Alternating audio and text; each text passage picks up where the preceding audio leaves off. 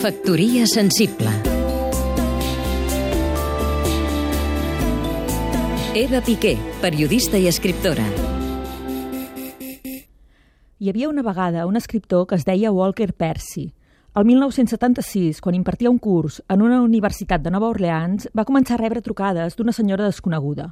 La dona li suplicava que es llegís la novel·la que el seu fill havia escrit 15 anys enrere – el fill de la dona havia buscat editor, no se n'havia sortit i s'havia acabat suïcidant.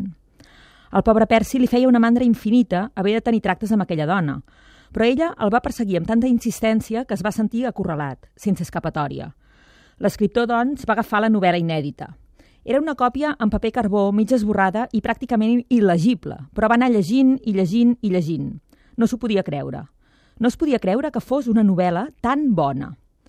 Estic parlant, en efecte, de la novel·lassa Una confabulació d'imbècils, de John Kennedy Toole, que ara s'ha tornat a publicar en català, aquest cop amb el segell d'anagrama i amb una traducció de Xavier Pàmies.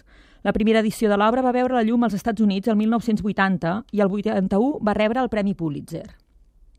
Em pregunto quants professors d'escriptura s'han hagut d'empassar textos infumables per si es repetia el cas del malaguanyat John Kennedy Toole. Em pregunto també quantes novel·les bones han quedat enterrades per sempre perquè no han tingut un agent literari tan perseverant com la mare de John Kennedy Toole. I em pregunto, finalment, quants escriptors mediocres han descartat suïcidar-se per por de perdre's un èxit pòstum que no ha arribat mai. Factoria sensible Seguim-nos també a catradio.cat